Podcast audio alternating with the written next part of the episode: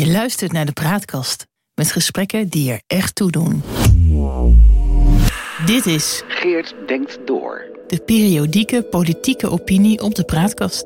De visie op Politiek Den Haag volgens Geert Danes. Stem Victor Chevalier, tekst Geert Danes.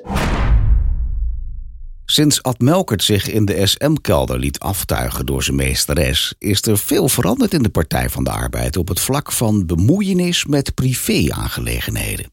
Er waren tijden dat parlementariërs uit het Rode Bastion de vrijheid hadden zelf te bepalen wat ze, binnen de grenzen van de wet en algemeen aanvaarde maatstaven van integriteit en fatsoen, uitspookten in hun persoonlijke leven tijden waarin men ervan opgekeken zou hebben dat een Tweede Kamerlid zich in een door de partij besteld onderzoek moest verweren tegen beschuldigingen van buitenechtelijke seks. En dan niet met een meid van 15? Nee, maar met een volwassen vrouw die er zelf ook lol in had. En toch is dit het voormalig Partij van de Arbeid Kamerlid Gijs van Dijk overkomen en daar bleef het niet bij. Hoe meer er bekend wordt van het onderzoek dat het trainings- en cursusbureau Bezemer en Schubat in opdracht van het bestuur van de Partij van de Arbeid liet uitvoeren naar vermeend grensoverschrijdend gedrag van Van Dijk, hoe gekker het wordt. Het bureau rapporteerde na gesprekken met drie meldsters, alle drie in het verleden behorend tot Van Dijks privé-entourage, dat hij hen had belogen en bedrogen en pijn en verdriet had aangedaan. De door meldsters gestelde feiten zijn in hoofdzaak aannemelijk. Al dus Bezemer en Schubat, een bureau dat zich toelegt op vraagstukken van psychosociale arbeidsbelasting. Is toch een andere tak van sport dan onderzoek naar ongewenst en ontoelaatbaar gedrag in gezagsverhoudingen. In hoofdzaak aannemelijk. En dan nog van feiten die zich in de privésfeer hebben voltrokken, kan natuurlijk nooit en ten nimmer een basis zijn voor ingrijpende arbeidsrechtelijke gevolgen, zoals een ontslag op staande voet.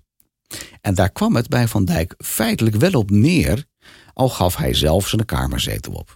En dat gebeurde onder druk van toenmalig Partij van de Arbeidleider Lilianne Ploemen, zonder dat het Van Dijk op dat moment in concreet hoe duidelijk was wat Ploemen tot haar actie bracht. Hij is nu zijn functie als Kamerlid kwijt en zit werkloos thuis. Door de overweldigende publiciteit die de kwestie inmiddels kreeg, heeft Van Dijk ook forse reputatieschade opgelopen. Waardoor de kans op een maatschappelijke herintreding in een functie van vergelijkbaar niveau drastisch is afgenomen. De schade is groot. En niet alleen in financiële zin. Op 2 juni 2022 raadde ik Van Dijk, waarvan ik om iedere schijn van persoonlijk belang te vermijden. Ik, ik, meld dat ik hem niet persoonlijk ken. Ik heb hem nooit persoonlijk ontmoet en ook niet gesproken. Maar ik raad je aan om het pad van Johnny Depp te volgen. Terugslaan en als het moet naar de rechter. Een conctie van vrouwen met liefdeswrok en aanpalend malheur met voorop Katinka Simonsen, alias de kunstenares Tinkerbell, heeft hem, met hulp van andere vrouwen zoals Lilianne Ploemen, Partij van de Arbeid-voorzitter Esther Mirjam Sent en Parool-hoofdredacteur Camilla Leupen, die Tinkerbell de vrije hand geeft haar paroolcolumn voor deze zaak te misbruiken, in de hoek weten te drijven. Meedijdend op de wereldwijde MeToo-golven en bevangen door het nieuwe sisterhood-virus. Er is in de hel een speciaal plekje voor vrouwen die vrouwen niet helpen. Die maffe quote van wijlende Amerikaanse minister van Buitenlandse Zaken Madeleine Albright heeft al heel wat ellende veroorzaakt. Ook in deze kwestie. Hadden de dames een punt, zou ik hen steunen.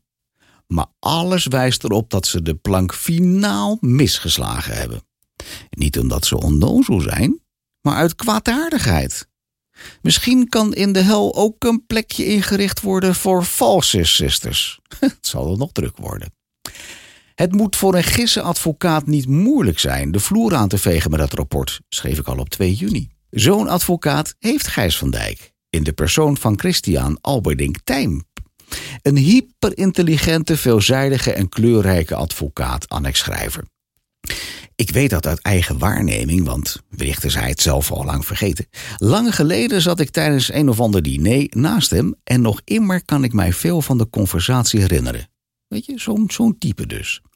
Alberdink Tijm heeft het bureau Bezem en Schubat inmiddels verblijd met een 15 pagina's stellend exposé, waarin het onderzoek van begin tot eind gehakt wordt gemaakt. Slechts één onderdeel acht de advocaat in orde. Te weten dat de klachten van de malle Cornelia Klaster in februari door het NOS-journaal opgevoerd als bron voor de aantijgingen tegen Van Dijk flauwekul waren. Ja, dat wisten we al. Zoals we ook weten dat de NOS tot op de dag van heden verzuimd heeft dat nepnieuws met grote gevolgen voor Van Dijk te rectificeren. En daarmee aanhoudend de journalistieke code van de publieke omroep schendt. Maar dat terzijde. Het betoog van Albert Tink Tijm komt er kort samengevat op neer dat Bezemer en Schubat ver buiten hun onderzoeksopdracht is getreden door allerhande klachten bij het onderzoek te betrekken, die enerzijds niets van doen hadden met de onderzoeksvraag, was er sprake van grensoverschrijdend ongewenst gedrag naar personen, en anderzijds allemaal worden weersproken door Van Dijk.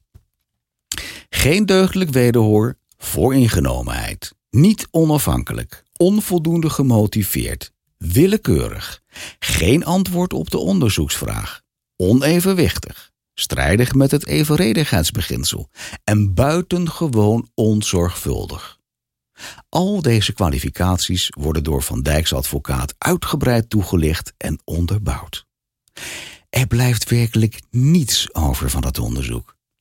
Behalve het beeld van een incompetent bureau en drie teleurgestelde vrouwen die de buitenechtelijke dan wel buitenrelationele seks achteraf kennelijk minder bevredigend vonden. Bij Bezemer en Schubert klopten niet alleen de drie meldsters aan, maar ook een aantal informanten. Een woord dat bij mij als voormalig inwoner van een communistisch geregeerd land hele nare associaties oproept. Het relaas over wat de informanten kwamen doen is misschien nog wel het meest opmerkelijke en schokkende van het hele onderzoek. Ze kwamen niet praten over grensoverschrijdend gedrag naar personen, zoals de onderzoeksopdracht luidde. Ze kwamen wat andere klachten over Van Dijk aanleveren.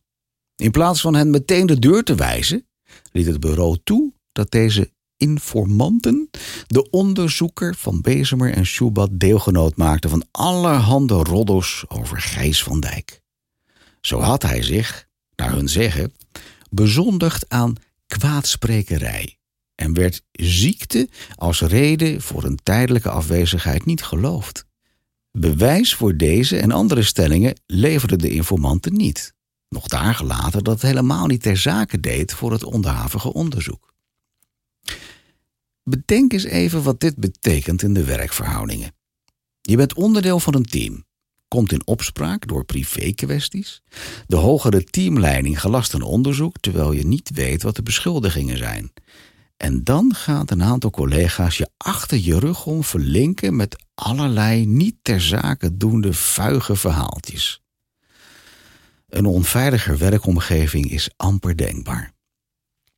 Ik zal discreet zijn en niet de namen noemen van de collega's die Gijs van Dijk wilden naaien.